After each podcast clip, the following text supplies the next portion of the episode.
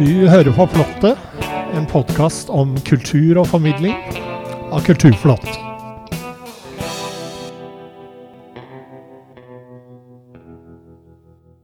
Denne julen har vi besøk av hele 29 artister. De gir oss innblikk i det de liker aller best musikk, formidling og kreativitet. I Flottet har vi også en full adventskalender denne gangen.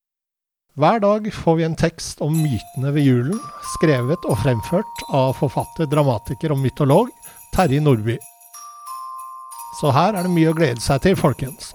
Mitt navn er Bård Andersson.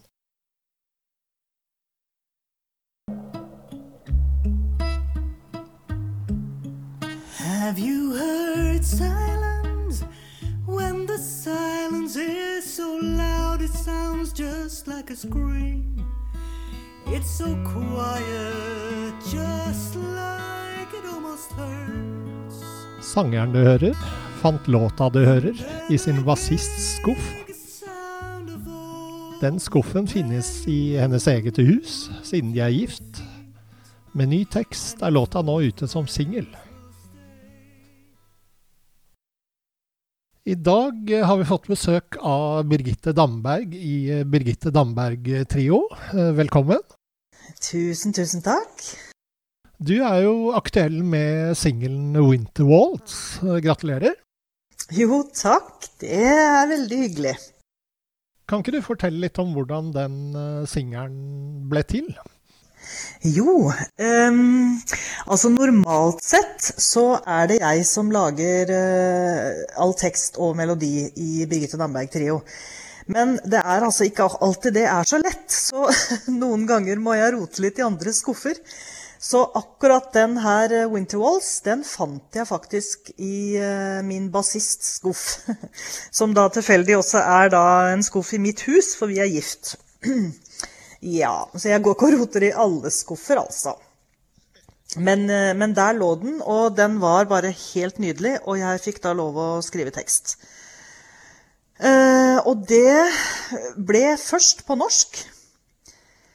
Um, uh, og så har den da kommet nå på engelsk, fordi vi syns at uh, andre der ute også skulle høre hvor fin den norske vinteren er. Ja, klart det. Og det som, det som var litt spesielt med akkurat den her, det er at vi har da laga en animasjonsvideo til denne låta. Det er da en, eh, en, eh, en animasjonskunstner som Hun er argentiner og bor i LA. Som da skulle lage denne musikkvideoen. Og vi, vi var jo litt spent på hvordan, hvordan en som kanskje sannsynligvis aldri har sett norsk vinter, ville formidle det. Men jeg syns at hun har eh, virkelig klart å liksom ta essensen av det jeg har tenkt når jeg har skrevet teksten. Så det er vi kjempefornøyd med. Ja, den videoen, den, den ble nominert til en pris under animasjonsfestivalen Supertune i Kroatia, ikke sant? Ja, jo, den gjorde det. Så gøy. Ja, kjempegøy. Riktignok slått av U2 på målstreken, men eh, Ja, ja. de har vel et litt større budsjett enn oss, tror jeg. Får, får vel la dem ta den. Ja, jeg syns det. Eh, hvor viktig er eh, tekst og formidling av budskap i, eh, i låtene som dere lager? Um, det vil jeg si er eh, veldig, veldig viktig. Kanskje det viktigste. Jeg har ofte tenkt på eh, musikken i Birgitte Damberg Trio som, uh, som eh, Altså, hva skal man si Prosa med, med Eller dikt med musikk til. For det er, det er, det er alltid liksom eh, tematikk, tematikken eller spørsmålene eh, de mellommenneskelige ja, tankene og assosiasjonene. Det er, det som er utgangspunktet. Og så fordi eh, jeg og vi er musikere, så er det noe sånn det blir, og ikke en roman eller en, eh, eller en diktbok. Men det er nok det som er utgangspunktet. Jeg vil si det er nesten det viktigste. Eh, Hvor viktig er selve musikken som del av å formidle nå? Altså, det er jo der vi har eh, si, eh, mest fagkompetanse. Altså, vi er jo musikere. Så det er jo, det, det er jo måten vi, vi kan gjøre det på. Så sånn sett er jo musikken kjempeviktig. Men altså, hvis ikke det er et budskap og en, en eh, tanke bak, så funker det jo ikke. Hvordan jobber du vanligvis kreativt når eh, nye Birgitte Damberg-trio-låter blir til? Du, eh, eh, altså det er blitt sagt nå i forbindelse med Winter Walls at, at den er skrevet i skogen. Eh, og det er helt sant, men det er faktisk ikke bare Winter Walls som blir skrevet i skogen. Det er veldig mye av det jeg lager, er skrevet i skogen. Vi bor langt ute i, på grensen til Østfold og har masse skog, og så har vi hund. Så veldig mye av det jeg lager, blir laga i skogen. Så går jeg rundt med, telefonen min, og så synger jeg inn strofer og eh, skriver ned tekstsnutter.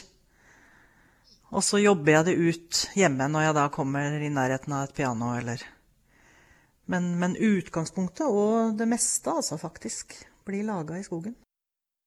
Hvilke planer har dere nå for resten av året og neste år? Jo, ehm, det skjer faktisk ganske mye gøy nå. I januar kommer det en eh, ny singel. Og i mars, 18. mars, da kommer eh, et helt nytt album. Og det er ehm, for første gang på norsk, hele albumet. Vi har laga plater tidligere på engelsk. Og det er rett og slett feiring av vårt eh, 20-årsjubileum som trio. Ah, gratulerer. Jo, takk. Vi har hatt det gøy sammen i veldig lang tid. Ja, det nærmer seg jul. Eh, Ja. Hva betyr julen for deg? Å, det betyr eh, kos og, og eh, ro og fred med de man har lyst til å dele litt ro og fred sammen med. Eh, vi ga ut en julesingel for et par år siden, faktisk. eh, og den eh, beskriver kanskje litt at eh, det er ikke alle som har det så gøy i jula. Men det å få lov å ha en liten pause, og kanskje ikke stresse rundt med alt det som ikke er så viktig, det tror jeg er essensen. Ja, så jeg skal prøve å slappe av litt og kose meg med mine. Har du en favorittjulesang? Den kom brått, men en av mine Altså, jeg elsker jo eh, It's Snowing On My Piano, Bugge Wesseltoft. Og så elsker jeg um, Swinging Christmas av Ella Fitzgerald. Det er vel kanskje de to jeg spiller mest i jula. Og det har jeg gjort i alle år. Ja, Det er ikke noe dårlig valg, det. Nei.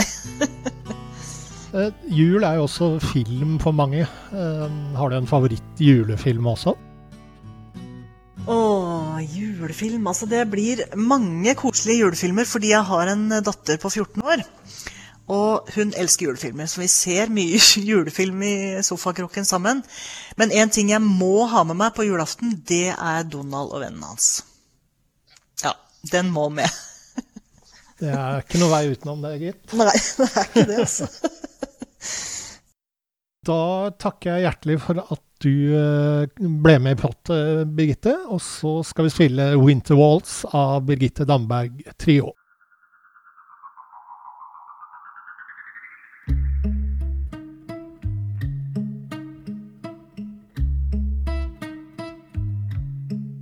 Have you seen crystallized in water and turned into ice? It's unique and exquisite to observe. And have you felt the gentle touch of the snowflakes on your chin? It's so fragile, it will vanish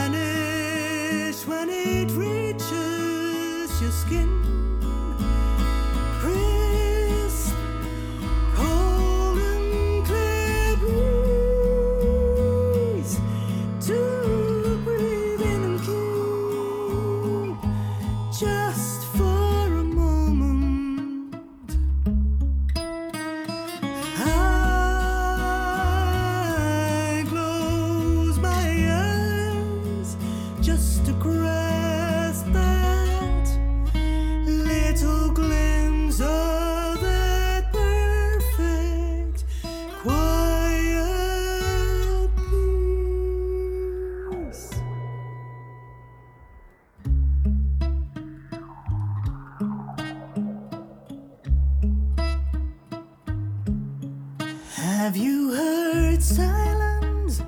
When the silence is so loud, it sounds just like a scream. It's so quiet, just like it almost hurts. And then the biggest sound of all when you move your feet and your footprints will stay like it will never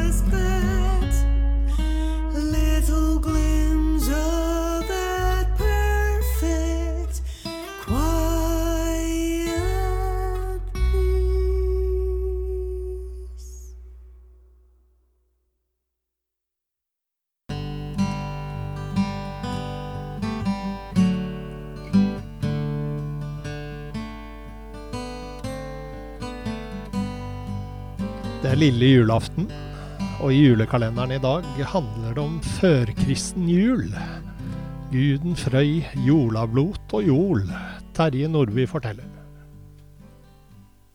Det tidligste håndfaste beviset på det vi kaller hedensk jul, er diktet Haraldskvadet fra Harald Hårfagres Hirdskall Torbjørn Hornkløve. Ute på havet vil han drikke jul, om han får råd alene, den kamplystne kongen, og der holde Frøys lek. Som barn var han lei av ovnsvarme og innesitting, den varme kvinnestua og votter fòret med dun. Guden Frøy er knyttet til erotikk og seksualitet. Adam av Bremen rapporterer at Frøy-bildet i Uppsala-helligdommen var forsynt med en stor fallos. Det fortelles at Frøy kan måle seg med de beste i gudeheimen. Han krenker ikke kvinner, og han setter fanger fri. En sentral gud hos vikingene var altså mest opptatt av fred og kjærlighet. Frøy var sentral ved midtvintersblotet i januar. Det var store blot midtvinters, og de blotet for fred og en god vinter, skriver Snorre. Det ble drept naut og hester, og gudestøtter var rødfarget med blodet. Blotene ble utført for et godt år, for sommerens grøde og for krigslykke. Man slaktet dyrene, farget gudestatuene med blodet og spiste kjøttet. Og blote betyr å styrke. Den kalde, mørke vinternatten ble omgjort til en spektakulær, blodig drøm om et bedre liv. Offerfesten ble også kalt jolablot eller jol. Ordet finnes også i andre germanske språk, men i motsetning til andre land beholdt de skandinaviske landene betegnelsen jul, også i kristen tid. Snorre forteller i Håkon den godes saga Håkon gjorde det til lov at julen skulle ta til på samme tid som hos kristne folk. Hver mann skulle holde øl av et mål malt, eller også legge bøter, og helg skulle holdes så lenge ølet varte. Slik ble det for oss noe besynderlige påbudet om ølbrygging og øldrikking flyttet til feiringen av Jesu fødsel. Ordet alu, øl, er inngravert på runesteiner. Høytider ble gjerne feiret med øl som hellig drikk.